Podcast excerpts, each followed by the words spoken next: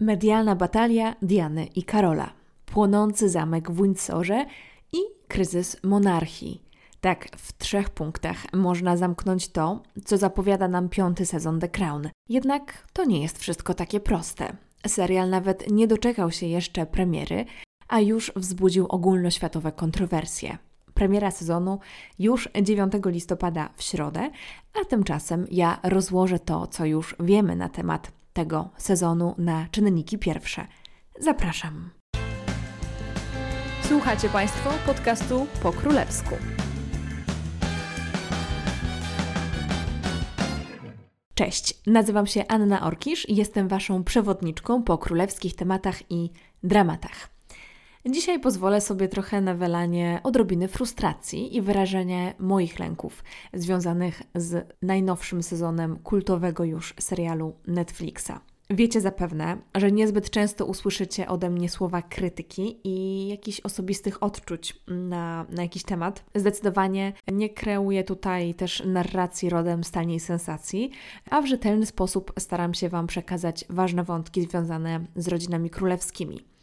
Jednak, ponieważ jest to już nasze 25. spotkanie i trochę mnie już znacie, e, to pozwolę sobie dzisiaj na przekazanie e, no właśnie odrobiny moich odczuć, lęków związanych e, z mm, serialem The Crown. A propos tego, że trochę się już znamy, no to ja wiem, że 88% z Was słucha mojego podcastu w aplikacji Spotify. No i byłoby mi bardzo miło, jeżeli ocenilibyście mój podcast na 5 gwiazdek tamże. Jak powiedziałam tamże, e, to mi się przypomniała moja praca licencjacka, gdzie musiałam robić bardzo dużo przypisów i bardzo często było tam tamże jako referencja do poprzedniego przypisu. Taka dygresja. Z góry dziękuję Wam za wszystkie oceny na Spotify. Wystarczy po prostu wejść w aplikację, wejść w profil mojego podcastu i tam pod moim zdjęciem jest możliwość e, ocenienia no i jak mówię, yy, najbardziej się ucieszę z pięciu gwiazdek. Po prostu, jeżeli lubicie mój podcast, no to ocencie. Jeżeli macie ochotę podzielić się swoimi spostrzeżeniami związanymi z tym sezonem po wysłuchaniu tego odcinka, no to yy, skontaktujcie się ze mną przez Instagram po królewsku. Jeżeli słuchacie tego odcinka, no to najprawdopodobniej macie zamiar obejrzeć ten piąty sezon The Crown. I już teraz zapowiadam Wam, że zrobię odcinek, takie krótkie, może 15-minutowe omówienie każdego z odcinków w piątym sezonie The Crown. Będę odpowiadała na takie pytania, które po prostu chcielibyście wygooglować podczas oglądania. Przedstawię, może poszerzę jakieś wątki, które są przedstawione w odcinkach, mm, a także jeżeli uda mi się jakieś ciekawostki z planu wyłowić w sieci, to także się nimi podzielę. Będą to takie krótkie omówienia i będą pojawiały się codziennie. Um, zaczną się pojawiać około dwa dni po premierze, czyli myślę, że około piątku. Zapraszam Was serdecznie na te odcinki. E, to będzie z mojej strony bardzo dużo pracy, ale wiem, że wiele osób będzie ze mną oglądało The Crown w jednym jakby rytmie. E, także Ciebie, Was też serdecznie zachęcam, abyście oglądali ten piąty sezon razem ze mną i słuchali sobie tych krótkich omówień. Także już za kilka dni pojawi się pierwsze z nich. Ale wróćmy teraz do głównego wątku. Trochę nie wiem od czego zacząć. No bo jak kotłują się w Was emocje, tak jak we mnie teraz, mówiąc o najnowszym sezonie The Crown, to ciężko jest y, pozbierać myśli. Więc może zacznijmy od tego, bo potem może być gorąco, że The Crown to jest jeden z moich ulubionych seriali, jak nie ulubiony serial. I nie jest to tylko ta bliska tematyka, jaką jest y, życie królowej Elżbiety i jej rodziny, no ale uwielbiam w tym serialu także całą tą przepiękną realizację, dialogi, zdjęcia, które spokojnie można by sobie powiesić na ścianie i wydrukować. Może powinnam mieć taką galerię królewską. Muzyka często towarzyszy mi z The Crown w codziennych, w codziennych obowiązkach e, i też często słucham właśnie soundtracku z The Crown, na przykład jak e, piszę, przygotowuję podcast. I te stroje. Stroje, ja myślę, że nie ma osoby, która by się nie zachwycała strojami w tym serialu i przynajmniej z jedną osobą by się jakoś tam nie utożsamiała i nie myślała, o, takie tam buty do chodzenia po polu to mogłabym nosić. Albo, mmm, ciekawie zawiązana chusteczka. Także te stroje zdecydowanie też są no, cudowne, cudowne i cała ta aranżacja jest e, magiczna. To jest też taki serial, który ja oglądam, jak potrzebuję e, jakiegoś takiego ciepłego serialu, na przykład jak jadę gdzieś i się trochę stresuję, to sobie włączam tam jeden z pierwszych odcinków The Crown i od razu jest mi lepiej. Myślę, że ten pierwszy odcinek, pierwsze dwa odcinki oglądałam spokojnie z 20 razy, jak nie lepiej. Kiedyś nawet pod rząd, bo byłam w bardzo długiej trasie autobusem I to był jedyny e, odcinek, który miałam pobrany w aplikacji Netflixa. E, odcinki, te dwa pierwsze. Także oglądałam je tak, myślę, po trzy razy. Ale myślę, że żeby zrozumieć to, co zadziało się dookoła tego serialu, no to warto sobie przypomnieć, dlaczego to jest e, w sumie dobry i ciekawy serial. Bo tak jak mówię i zapowiadam, koniec tego podcastu to raczej będzie wywa wywalanie bardzo dużej kontrowersji na ten serial i to, co się z nim stało, albo to, co może się stać. Dlaczego ja uważam, że to jest dobry i ciekawy serial? Przede wszystkim dlatego, że przedstawia historię. Mm, jest to historia, która w kilku sezonach zamyka przekrojowo powojenną historię Wielkiej Brytanii, jak i samą królową Elżbietę, która jest świadkiem zmian na świecie podczas swojego 70-letniego panowania. No i tak jak królowa Elżbieta jest świadkiem tych wszystkich przemian, tak ten serial przeprowadza nas nie tylko po czasie największych przemian technologicznych i społecznych, ale także mm, przeprowadza nas po zmianie miejsca i znaczenia monarchii we współczesnym świecie. Myślę, że szczególnie teraz, kiedy umarła królowa Elżbieta, kiedy było bardzo dużo podsumowań jej rządów, podsumowań jej panowania, no to widzimy, jak bardzo zmieniła się i monarchia przez e, czas jej panowania, no i Wielka Brytania i świat. Także ten serial w takiej kapsule nam gdzieś to tam zamyka. Jednocześnie ten serial uderza w takie bardzo sentymentalne tony, no bo dla osób mojego pokolenia, które urodziły się w latach 90., no może nawet 80., no to historia e, księżniczki, no bo na początku jest to historia księżniczki, przenosi nas jakoś w te wszystkie bajki Disneya, które chętnie oglądaliśmy jeszcze na kasetach VHS, przynajmniej ja. I te kasety VHS były naprawdę bardzo zajechane. Kolejna rzecz to jest to, że jakimś cudem wszystko się tutaj spina w tym serialu i znajdą coś dla siebie fani mody, i znajdą coś dla siebie fani polityki. Znajdą tutaj też coś dla siebie fani plotek i celebrytów, no bo jednak jest to historia najbardziej znanej rodziny na świecie. No i powiedzmy sobie szczerze, od początku ta produkcja była po prostu skazana na sukces. Kiedy The Crown wychodziło mm, na ekrany naszych komputerów i smartfonów w 2016 roku, to reklamowano ten serial jako najdroższą produkcję w streamingu. Od tego czasu wyprodukowano oczywiście znacznie droższe e, i mające mm, znacznie większy rozmach seriale, ale jednak marketingowo Netflix wie, jak rozpalić publikę i zachęcić ją do oglądania swojej produkcji. Nie zawsze w zupełnie etyczny sposób. Ale do tego przejdziemy, tak jak zapowiadałam, za chwilę. Może zacznijmy od tego, o czym właściwie jest piąty sezon, a właściwie co wiemy, o czym będzie. Niestety nie mam wcześniejszego dostępu do odcinków. Bardzo żałuję. Halo, halo, Netflix, jeżeli to słyszycie, wpiszcie mnie na jakąś listę influencerów, którzy mogą oglądać chociaż to jedno The Crown y, dwa tygodnie przed y, publikacją, bo mi by to bardzo pomogło e, przygotowując, w przygotowaniu materiałów. Ponieważ nie mam dostępu do odcinków, to będę się wspomagać tym, co znalazłam w sieci, a także po prostu historią rodziny królewskiej w latach 90. Także lecimy. Sezon czwarty, czyli poprzedni, zostawia nas pod koniec 1990 roku. Czwartym sezonie mogliśmy obserwować e, całość rządów e, premierki Margaret Thatcher, czyli okres od 1979 roku do końca 1990 roku. Twórcy pokazali nam także okres w historii rodziny, kiedy Karol rozpoczyna swój związek e, z Dianą, rozwija go, potem dochodzi do ślubu, no i potem także do poważnych problemów w ich relacji.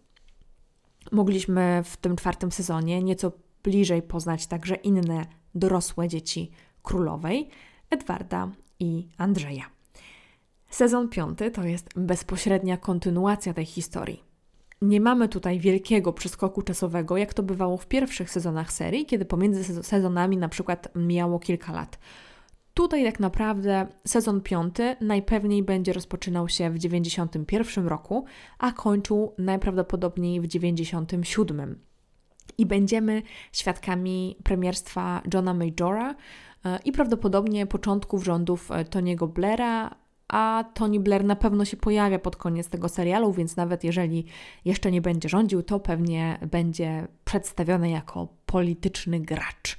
Ze światowych wydarzeń e, historia może zahaczyć na przykład o rozpad Związku Radzieckiego, wizytę Elżbiety w Rosji i akurat to już nam trailer zdradza, e, bo tam są takie zdjęcia mm, właśnie Elżbiety w takim charakterystycznym stroju, w którym była w Rosji, e, a także mm, no, tam są takie dwa ujęcia e, jakby właśnie z Rosji, chociaż myślę, że w Rosji, no powiedzmy sobie szczerze, nie były kręcone, pewnie bardziej w jakimś studiu ale to będzie i w ogóle będzie też odwołanie do Romanowów, e, do sytuacji z I wojny światowej, kiedy Romanowowie nie byli przyjęci do Wielkiej Brytanii i tragicznie zginęli Romanowowie, czyli carska rodzina rosyjska.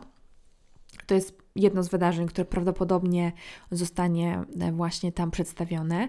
Mamy w latach 90. też wojnę w Zatoce, ale nie wiem, czy to jest taki, nazwijmy to, sexy temat e, na The Crown. Um, mamy zjednoczenie Niemiec na przykład um, też w latach 90., więc to też może być poruszone, a także koniec Imperium Brytyjskiego, czyli oddanie Hongkongu w 1997 roku i no miałoby to sens, żeby to też było poruszone w tym sezonie. To jest co prawda z tego co pamiętam 1 lipca 97 roku, więc dosyć późno w naszej historii i dosyć blisko śmierci e, Diany, e, ale byłaby to ładna klamra, jeżeli chodzi o rozpad Imperium Brytyjskiego i dekolonizację Wielkiej Brytanii e, podczas rządów Elżbiety II. Jeżeli chodzi o takie już królewskie podwórko, to myśląc e, o latach 90., to pierwsze chyba co sobie przypominamy to rok 1992 e, i tak zwany Annus Horribilis. To jest, e, myślę, że jedno z niewielu łacińskich stwierdzeń, które pojawia się w kontekście rodziny królewskiej. Annus Horribilis, czyli po prostu straszny, okropny rok. I był to rok, w którym Elżbiecie II wypadało 40 lat na tronie. Obchodziła swój rubinowy jubileusz. No i właśnie, raczej mało go obchodziła. Um, zresztą o tym możecie też posłuchać w 13 odcinku podcastu o królewskich jubileuszach. Um, serdecznie zapraszam. E, ale w ogóle w tym roku 92 w życiu Elżbiety działo się bardzo, bardzo dużo. Na przykład rodzinnie w marcu Separację ogłosił syn Elżbiety, książę Andrzej, ze swoją żoną Sarą. W kwietniu rozwiodła się jej córka Anna, a w grudniu formalną separację ogłosili Karol i Diana, czyli po prostu rodzina rozpada się na całego. Jeżeli chodzi o królewski wymiar, to w marcu 92 roku na przykład Mauritius zrezygnował z Elżbiety jako głowy państwa, podczas wizyty Elżbiety w Dreźnie w październiku tego roku Elżbieta została obrzucona jajkami. Cudownie.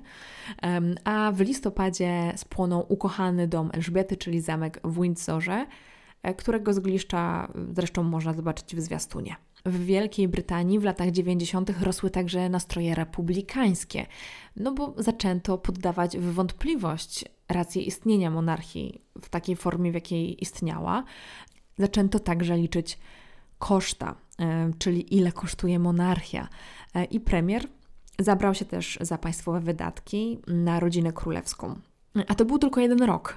Właściwie to wszystko, co powiedziałam, to był jeden rok, także naprawdę no, mógł być to straszny rok dla Elżbiety. W ogóle się temu nie dziwię. Z dostępnych informacji w internecie można też wywnioskować, że w serialu pojawi się dosyć duży wątek ukochanego przez Elżbietę jachtu Britannia. Mało tego jachtu było do tej pory w serialu pierwszym i w drugim szczególnie sezonie, na początku rzeczywiście ten e, jacht się tam pojawiał, no ale potem wydaje mi się, że nie aż tak bardzo, więc e, on powraca w tym sezonie.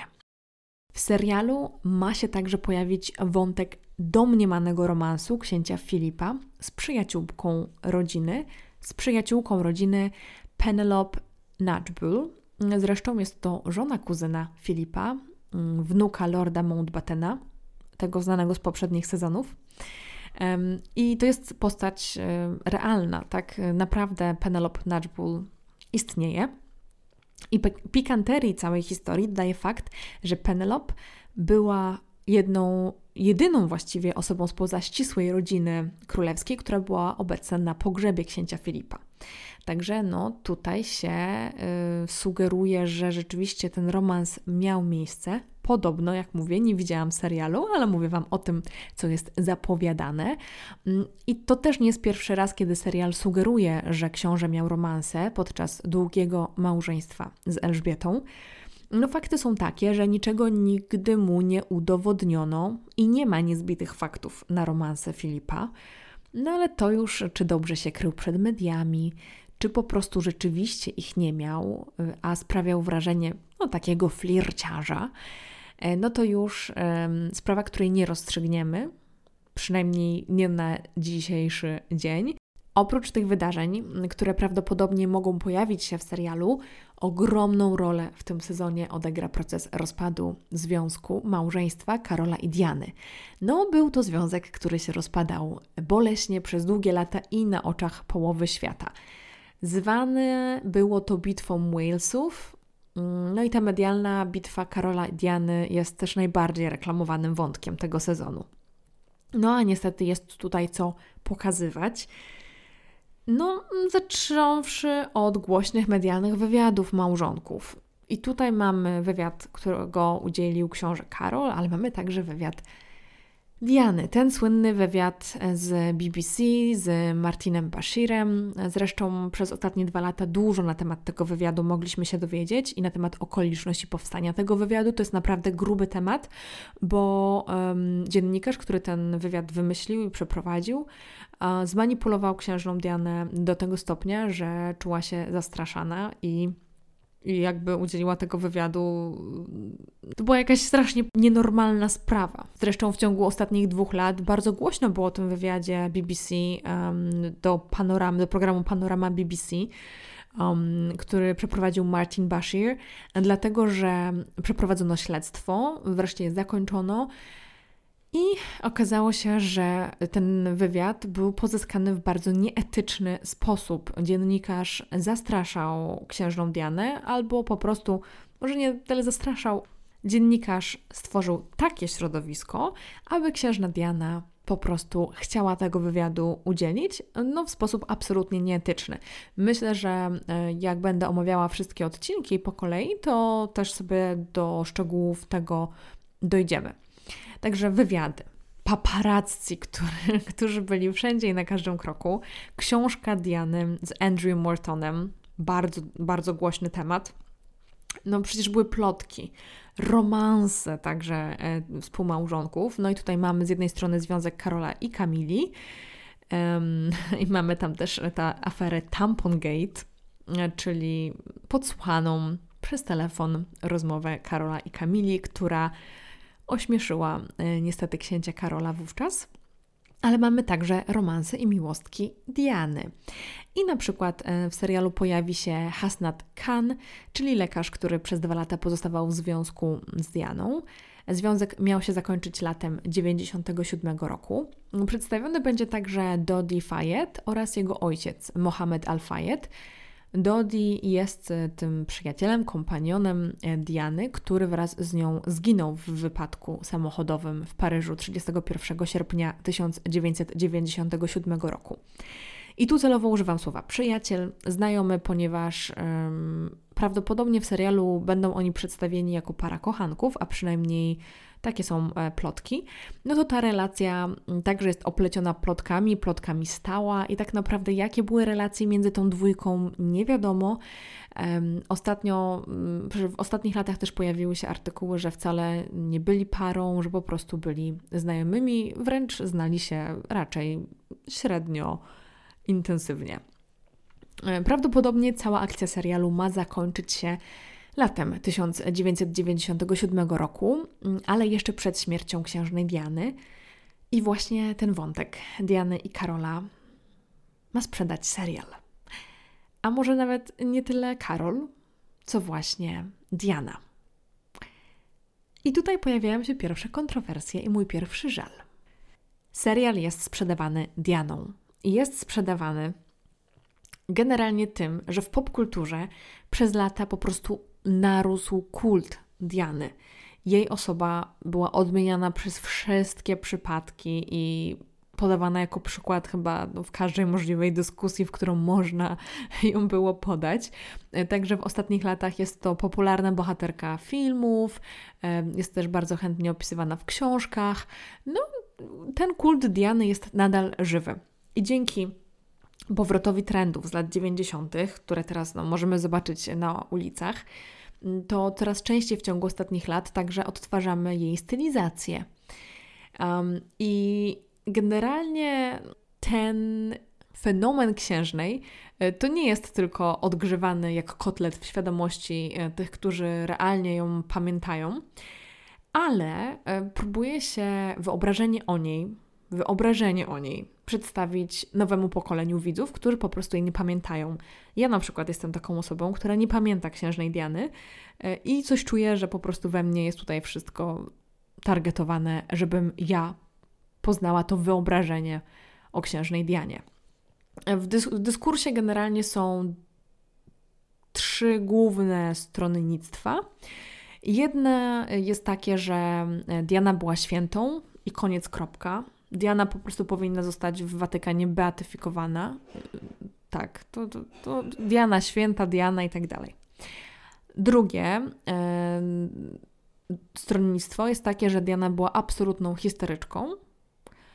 I trzecie jest takie, że Diana była wprawnym, wprawnym graczem i manipulantką.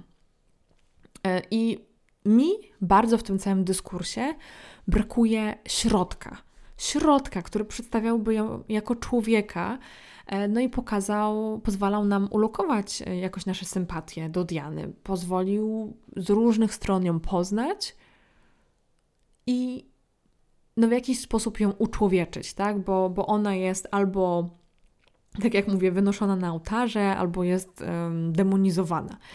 Ja bym bardzo chciała, żeby The Crown było takim miejscem, było taką platformą, e, która w jakiś sposób dośrodkuje tą postać Diany i przedstawi ją w wiarygodny sposób. No jednak, czy tak się dzieje? Nie wiem, jak będzie e, w serialu. Jednak zdecydowanie promocja tego sezonu opiera się właśnie na postaci tragicznie zmarłej księżnej. I w ogóle etycznie wątpliwe jest monetyzowanie trzech sezonów serialu na czyjejś śmierci, więc to mi się w ogóle nie podoba. Jakby to nie oddaje sprawiedliwości tej postaci, tak? Bo jeżeli robimy hajs na trzech sezonach The Crown, które robią, e, robią po prostu, w których jest księżna Diana i tym, ją, tym sprzedajemy te sezony, to chyba nie jest to do końca w porządku wobec samej postaci. E, dlaczego mówię o trzech sezonach? Dlatego, że chodzą słuchy, że sama śmierć Diany nastąpi właśnie w sezonie szóstym a nie w piątym. Czyli, tak jak mówiłam, prawdopodobnie akcja skończy się gdzieś tam latem piątego sezonu e, i dopiero w szóstym będzie śmierć. Mm, czyli szósty nadal pewnie będzie promowany y, na monetyzacji y, tragicznej śmierci Diany i na tym, że to będzie ten sezon, w którym umiera Diana. Nie mogę się założyć o to, ale jest takie duże prawdopodobieństwo. Um, jednak to, co pojawi się w serialu, to jest jedno. Ja bym bardzo chciała, tak jak mówiłam, żeby ten serial to wypośrodkował i myślę, że ten poprzedni sezon w miarę to zrobił, um, ale tutaj mam jeszcze większe obawy, dlatego że promocja, która jest prowadzona, oh, jest bardzo jednostronna. Według mnie. Y, Diany jest w ogóle bardzo dużo, ale myślę, że jest to raczej promocja prowadzona jako Diana ofiara, jako Diana święta, Diana ofiara. I zdecydowanie y, łatwiej jest po prostu najwyraźniej promować y, serial na takim bardzo utartym popkulturowo szlaku. Dlatego, że jest to po prostu pójście na łatwiznę. Mm, I Elizabeth Dębicki, która mm, gra księżną Dianę w tym sezonie, nagrała z Vogue filmik. Jest to filmik dostępny na YouTubie i jest to z takiej serii, kiedy jakaś celebrytka przegląda swoje stylizacje przez lata i opowiada w jakich w jakiej, przy jakiej okazji nosiła ten strój i tam jakieś wspomnienia. No i mm, Elizabeth przegląda e, taki album z najbardziej ikonicznymi strojami Diany, no szczególnie z tego okresu, kiedy e, właśnie e, Elizabeth Dębicki ją grała. I Elizabeth Dębicki co chwilę rzuca takie komentarze, że o, ona była taka bestrat, była taka wspaniała, była taką ikoną. Diana była niesamowita, no super inspiracja. I to wyraźnie daje do zrozumienia, że no Elizabeth Dębicki jest mocno zakochana w postaci Diany, co mnie niesamowicie z jednej strony żenuje, a z drugiej strony po prostu pozostawia bez jakichkolwiek złudzeń, jak tą postać ona widzi. A chciałabym, żeby ta postać była bardziej, no, żeby po prostu była wielowymiarowa. No i tymczasem owszem, wątek Karola i Diany był istotny w latach 90. To nie jest tak, że ja zabieram temu wątkowi miejsce wśród podium nie wiem, wątków y, lat 90. w rodzinie królewskiej, no ale to nie był jedyny ciekawy wątek w ogóle w historii monarchii i zdecydowanie nie był najważniejszym y, wątkiem w jej dziejach, jak to nam próbuje wmówić popkultura. Um, jednak ta promocja działa, słuchajcie. Netflix robi to dobrze, bo wie, jak to zrobić po prostu. Promocja działa i miliony widzów na całym świecie chcą sobie odgrzać tego kotleta y, lat 90. z mikrofali. No chyba jeszcze żaden sezon, y, na żaden sezon The Crown nie czekano tak jak właśnie na ten piąty. I nawet tylko patrząc po zwiastunie, przed chwilą sprawdziłam statystyki, y, przez ponad dwa lata trailer czwartego sezonu obejrzano na oficjalnym międzynarodowym kanale na YouTube Netflixa 6,2 miliona razy. Czyli lekko ponad 6 milionów razy. A w dwa tygodnie, czyli mamy dwa lata kontra dwa tygodnie, dla sezonu piątego to już jest ponad 9 milionów. 9,3 miliona widzów obejrzało sam trailer na YouTubie. Także widać, że jednak to zainteresowanie tym piątym sezonem jest naprawdę bardzo, bardzo mocno pompowane. Jednak tutaj akurat chyba nie sama promocja Dianą ma takie znaczenie, bo serial został wypromowany myślę, że zupełnie niecelowo, chociaż nigdy nie wiadomo, jakie tam tęgie głowy w Netflixie siedzą i kto tam jak co promuje. Został on wypromowany jeszcze przez jedną sprawę jak mówię, dosyć przekornie. Otóż już kilka tygodni temu, kiedy nowy król Karol dopiero zaczął się urządzać w pałacu Buckingham, rozbrzmiały głosy, że nowa seria The Crown może zaszkodzić świeżemu królowi i zdecydowanie obniżyć jego poparcie wśród społeczeństwa, przywołując po prostu wspomnienia z okresu, no, kiedy zdecydowanie nie był ulubionym członkiem rodziny królewskiej ani obiecującym w oczach wielu kandydatem na przyszłego monarchę. Po prostu no, był to okres złej pasy e, księcia Karola w prasie. I najwyraźniej to się tak zaczęło powoli gotować, bo niebawem głos w tej sprawie nawet zaczęły e, zabierać osoby z brytyjskiego establishmentu. Bo największym problemem z The Crown jest to, że co w sumie może być jej rozrywkową zaletą, że jest dramatyzowane. I wiele z rzeczy, które się tam dzieją, nie wydarzyły się w rzeczywistości wcale, albo wydarzyły się zupełnie inaczej, albo chociaż trochę inaczej. Niektóre z sytuacji można oczywiście wykorzystać do pokazania jakichś cech charakteru czy relacji między bohaterami, jednak problem pojawia się wtedy, kiedy powszechna świadomość nie jest taka, że okej, okay, to jest dramatyzowane, ale wtedy, kiedy większość widzów myśli, że to jest niemal serial dokumentalny, a my jesteśmy taką muchą w pokoju pałacowym Windsorów i możemy wszystko obserwować takie, jakie było w rzeczywistości. I dlatego tak często sobie zadajemy pytanie, czy tak było naprawdę?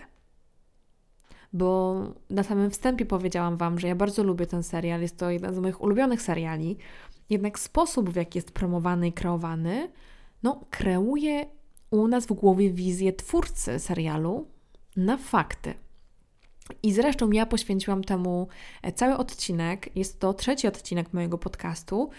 Nazywa się The Crown Prawda czy Fałsz? E, chyba. Trzeci odcinek. Na samym początku. E, I tam próbowałam rozbić na czynniki pierwsze właśnie to, w jaki sposób zmieniane są fakty w The Crown. Dotyczy to głównie sezonu pierwszego. I jeżeli mogę zrobić taką erratę do tamtego odcinka, to ja nagrywałam ten odcinek po trzech sezonach i tam jeszcze nie było to tak złe. W sensie yy, zaraz zresztą do tego dojdę, ale tam jeszcze po prostu widzieliśmy to wszystko z większym dystansem i te zmiany nie były tak bardzo kaleczące. Więc jeżeli macie ochotę, to możecie sobie wrócić właśnie do trzeciego odcinka podcastu i posłuchać więcej. No i właśnie, dlaczego kontrowersje są większe z każdym sezonem? No bo niby powszechnie znany jest fakt, że rodzina królewska i prawdopodobnie sama królowa zresztą oglądała ten serial, a przynajmniej mówi się, że te pierwsze sezony królowa mogła widzieć. Ten wątek też był poruszony w wywiadzie z księciem Harem, który przeprowadził James Corden. To było na początku 2021 roku. I tam James Corden zapytał po prostu księcia Harego, słuchaj, co myślisz o The Crown? On nie potwierdził i nie zaprzeczył, czego widział, ale powiedział, że serial jest luźno oparty na prawdziwych wydarzeniach, ale daje jakieś pojęcie, jak to jest um, dedykować całe swoje życie obowiązkowi. Czyli gdzieś tam coś, generalnie jakieś poczucie jest prawdziwe albo może być w miarę bliskie prawdy, ale generalnie jest to bardzo tak luźno oparty serial na faktach. No i tak, teraz zbliżamy się do czasów najnowszych, czyli takie, które pamiętamy lub możemy pamiętać, i do czasu, który był dla monarchii niezwykle trudny. Dodatkowo większość osób zaangażowanych w te wydarzenia nadal żyje i jest w stanie stwierdzić, czy przedstawione wydarzenia są wyobrażeniem autora, czy zdarzyły się naprawdę. Jedną z osób, które zabrały udział, e, zabrały głos w tej sprawie, był premier, e, były premier Wielkiej Brytanii, John Major. Zresztą właśnie to jego premierostwo będzie portretowane w tym sezonie The Crown. Jego rzecznik wypowiedział się na temat najnowszego sezonu i powiedział, że rozmowa z serialu, w której Karol ma rozmawiać z premierem na temat e, potencjalnej abdykacji e, swojej mamy, nigdy nie miała miejsca. Nigdy taka rozmowa się nie wydarzyła. E, tak samo jak były premier nigdy nie zdradzał szczegółów swoich prywatnych rozmów, czyli cotygodniowych audiencji z Elżbietą prasie, ani po prostu no, nie mówił o tym publicznie. Także podkreślił, że wszystkie rozmowy Johna Majora z królową, które są w serialu, są po prostu fikcyjne. Coraz częściej podnoszono y, ten temat i podnoszono go tym bardziej właśnie po tej reakcji byłego premiera, i sugerowano bardzo proste, ale za to efektywne rozwiązanie, czyli planszę. Taką planszę przed odcinkami The Crown, że jest to serial inspirowany faktami, e, przedstawiający fabularyzowaną historię życia i panowania Elżbiety II i jej rodziny, a nie są to fakty. Jednak Netflix nie był taki skory do publikacji takiej planszy, ani po prośbie, ani po groźbie. E, I teraz zastanawiam się, czy to było celowe zagranie, żeby to przedłużyć, e, czy naprawdę nie chcieli tak robić jednak troszeczkę się ugięli po prośbie od Judy Dench. I uwaga, Judy Dench e, to jest brytyjska aktorka, którą pewnie kojarzycie z wielu produkcji, która prywatnie zna się z obecną parą królewską, Karolem i Kamilą, i ona napisała list otwarty do gazety The Times, w którym zawnioskowała o takowe ostrzeżenie przed seansem na Netflixie. Żeby po prostu napisać, że, że to nie jest prawda, że to jest dramatyzowane. Napisała w tym liście także, że czym bliżej serial zbliża się do naszych czasów, tym bardziej zaczyna zacierać się granice pomiędzy historycznymi faktami a prymitywną sensacją. E, podkreśliła także, że widzowie mogą przyjąć prezentowaną wersję wydarzeń jako prawdziwą, szczególnie ci za granicą, co jest krzywdzące nie tylko dla bohaterów tej historii, ale także dla instytucji, którą reprezentują. E, no i widocznie tylko Judy Dench ma taką siłę, no bo akurat jej Netflix e, odpowiedział. Może dlatego, że to było jakoś tam związane z Karolem i z Kamilą, nie wiadomo, no bo pałac się jakby super oficjalnie na ten temat też nie wypowiada. Um, odpowiedział przyznając, że The Crown zawsze było prezentowane jako serial oparty na wy wydarzeniach historycznych. Oparty. Podobno, tak zawsze to było prezentowane. No i sezon piąty jest fikcyjną dramatyzacją, wyobrażeniem tego, co mogło dziać się za zamkniętymi drzwiami podczas ważnej dekady dla rodziny królewskiej. Dekady, która została dobrze zbadana i udokumentowana przez dziennikarzy, biografów i historyków. Tak powiedział Netflix, więc mamy oficjalne zdanie Netflixa na temat y, tego serialu i tego sezonu. I ostatecznie Netflix dodał pod zwiastunem następujące słowa. Inspirowany faktami, serial przedstawiający fabularyzowaną historię życia i panowania królowej Elżbiety II oraz politycznych i osobistych wydarzeń, które wpływały na jej rządy. Czy pojawią się w końcu te plansze przed każdym odcinkiem serialu? No tego jeszcze nie wiemy yy, i zapewne przekonamy się dopiero w dniu premiery, czyli za dwa dni, jeżeli tego słuchacie też w dniu premiery. Tak czy inaczej, ta cała drama wokół dramy no, przyniosła jednak Netflixowi jeszcze większą reklamę dla serialu, bo o sezonie zaczęto mówić, zaczęło się po prostu tutaj zażarcie gorąco dyskutować tygodnie przed jego premierą. Czyli serial zaczął żyć mocno, no, ja myślę, że około co najmniej miesiąc przed premierą. E, no a liczba tych, którzy chcą się przekonać, czy naprawdę jest tak źle, tylko rośnie. No, jak mówiłam, też to wynika z oglądania trailera. No i na deserek zostawiłam sobie obsadę. W tym sezonie czeka nas nowa obsada. No, generalnie zapowiedziane jest sześć mm, sezonów serialu e, i po pierwszych dwóch, i po kolejnych dwóch, czyli po drugim, po czwartym sezonie zmieniła się obsada. Czyli to już będzie trzecia grupa, która gra brytyjską rodzinę królewską. No i dlaczego tak jest? No po to, żeby po prostu nie postarzać e, tych młodych aktorów z pierwszych sezonów, ale także ma to pomóc w jakiś sposób uwiarygodnić e, odgrywane mm, przez tych aktorów postaci. I tak, w rolach głównych wystąpią w rolę Elżbiety wcieli się Imelda Stoughton, która w większości osób z mojego pokolenia mm, kojarzy się jednoznacznie z profesor Umbridge z Harry'ego Pottera. Ta pani w różowym. W rolę jej męża, czyli księcia Filipa, wcieli się Jonathan Price, którego możemy znać jako papieża Franciszka z dwóch papieży, a przynajmniej ja go najlepiej stamtąd kojarzę, bo po prostu on dla mnie wygląda totalnie jak e, papież Franciszek. Także papież Franciszek będzie grał rolę księcia Filipa. W rolę Karola, księcia Karola wcieli się Dominic West, e, a jego prywatny syn, wcieli się w rolę księcia Williama, więc tutaj taka ciekawostka. A w rolę Diany e, wcieli się Elizabeth Dębicki. No i uwaga, jeżeli będziecie oglądać albo słuchać jakichś materiałów o serialu, e, to po angielsku e, jej nazwisko nikt nie, nie wymawia Dębicki, tylko ludzie mówią Debicki tak sobie skracają i mówią Debicki. Więc Elizabeth Debicki, tak, szukajcie pod taką, pod taką nazwą. I dostałam od Was tyle wiadomości na Instagramie o tym, że totalnie sobie nie wyobrażacie profesor Umbridge jako królowej Elżbiety. Jest to dla Was w ogóle wielkie nie, nie, nie. Um, ale no, mnie osobiście ta obsada ani ziębi, ani grzeje, szczerze mówiąc. Ja po prostu chcę jej zobaczyć w akcji. Mm, I wydaje mi się, że jedyna rzecz, która mnie e, trochę zaskakuje, to jest taki przeskok, który będzie trochę dziwny, no bo e, zaledwie mm, minie kilka miesięcy, a może wręcz kilka tygodni od końca akcji poprzedniego sezonu, a nagle tutaj mamy takich e, aktorów i, i postacie się po prostu bardzo szybko zestarzeją. No ale no to tam szczegóły. Nowa era w każdym razie. Kiedy nagrywam ten odcinek, jest sobota. Premiera jest w środę, więc jest jeszcze kilka dni e, i zauważyłam, że wyszły pierwsze recenzje tego serialu, więc tak na wisienkę, jako wisienka na torcie, powiem Wam, co na ten temat, co na temat tego sezonu pisze prasa zagraniczna. E, tutaj Wam przytoczę dwie recenzje.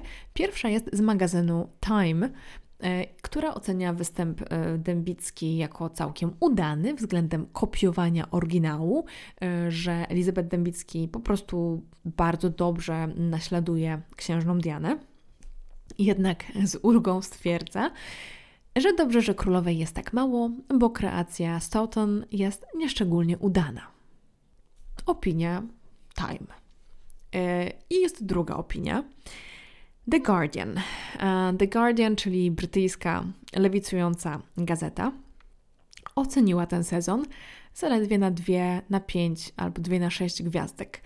I piszący właśnie tą recenzję dziennikarz e, określił sezon jako miejscami nudny e, i powiedział, że Peter Morgan, czyli twórca serialu, ucieka się często do pobocznych wątków, próbując tak naprawdę ukryć to, że o Royalsach powiedział już wszystko, co ma do powiedzenia. Bardzo ciekawe to zdanie na koniec. Myślę, że e, w moich omówieniach pod koniec sezonu postaram się do niego odwołać. No i tak, reasumując, ja jestem jednocześnie tak samo podekscytowana nowym sezonem e, mojego ulubionego serialu, jak jestem zlękniona, dlatego że no nie wiem, nie wiem. Ja bym tak bardzo idealistycznie chciała, żeby to był po prostu sezon, który nam przedstawi, wiecie, sytuacje takim, jakimi były, że ta Diana będzie przedstawiona w taki sprawiedliwy dla niej sposób, e, a przynajmniej no, według mnie sprawiedliwy, czyli w miarę neutralny, e, że królowej będzie dużo, że księcia Filipa będzie dużo, bo no, ja ten serial oglądam, e, oglądam dla, dla królowej Elżbiety, no nie czarujmy się. I to, że, że, że ta Diana i ten Karol będą w tym sezonie głównymi postaciami, to mnie trochę smuci. E, ale mam nadzieję na dobre występy, na przykład księżniczki Anny. Jestem bardzo ciekawa, e, co tam u Małgorzaty i u królowej matki w tym sezonie będzie się działo. Mam nadzieję, że będzie jak zwykle troszkę humorku. E, mam nadzieję też, że dialogi będą ciekawe no, myślę, że jeżeli chodzi o stroje i o zdjęcia i o muzykę, to się nie muszę martwić. E, ale tak jak tutaj słuchaliście, ja jestem zaniepokojona. Zaniepokojona jestem tą promocją tego serialu e, i zaniepokojona jestem tym, że ten serial naprawdę bardzo wysoko zaczął i myślę, że był szanowany przez wiele osób, a ostatnio z odcinka na odcinek, z sezonu na sezon zaczyna tracić.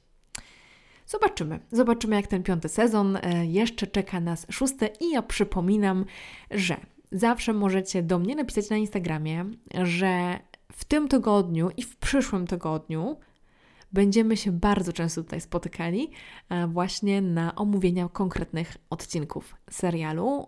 Zawsze możecie mnie znaleźć też na Instagramie, jak mówiłam, i tam też będę czekała na Wasze pytania albo reakcje związane z odcinkami. I jeżeli macie ochotę wrócić do jakiegoś odcinka mojego podcastu, to polecam odcinek trzeci, gdzie opowiadałam o tym, czy The Crown to prawda, czy fałsz. Dziękuję Wam bardzo za wysłuchanie tego odcinka. Ja y, czekam, jak na szpilkach, na, na ten y, sezon i w środę o 9 rano powinny, powinien on być już dostępny w naszych aplikacjach na Netflixie. A tymczasem żegnam Was. Dziękuję, dziękuję za, za miłe słowa i wszystkie recenzje zostawiane na Apple Podcasts i za wszystkie oceny na Spotify i Apple Podcasts. Słyszymy się w kolejnym odcinku i będę do Was mówić naprawdę często. Muszę sobie chyba kupić jakieś dobre tabletki na gardło, żeby nie zaniemóc z tej okazji. Trzymajcie się. Pa, pa.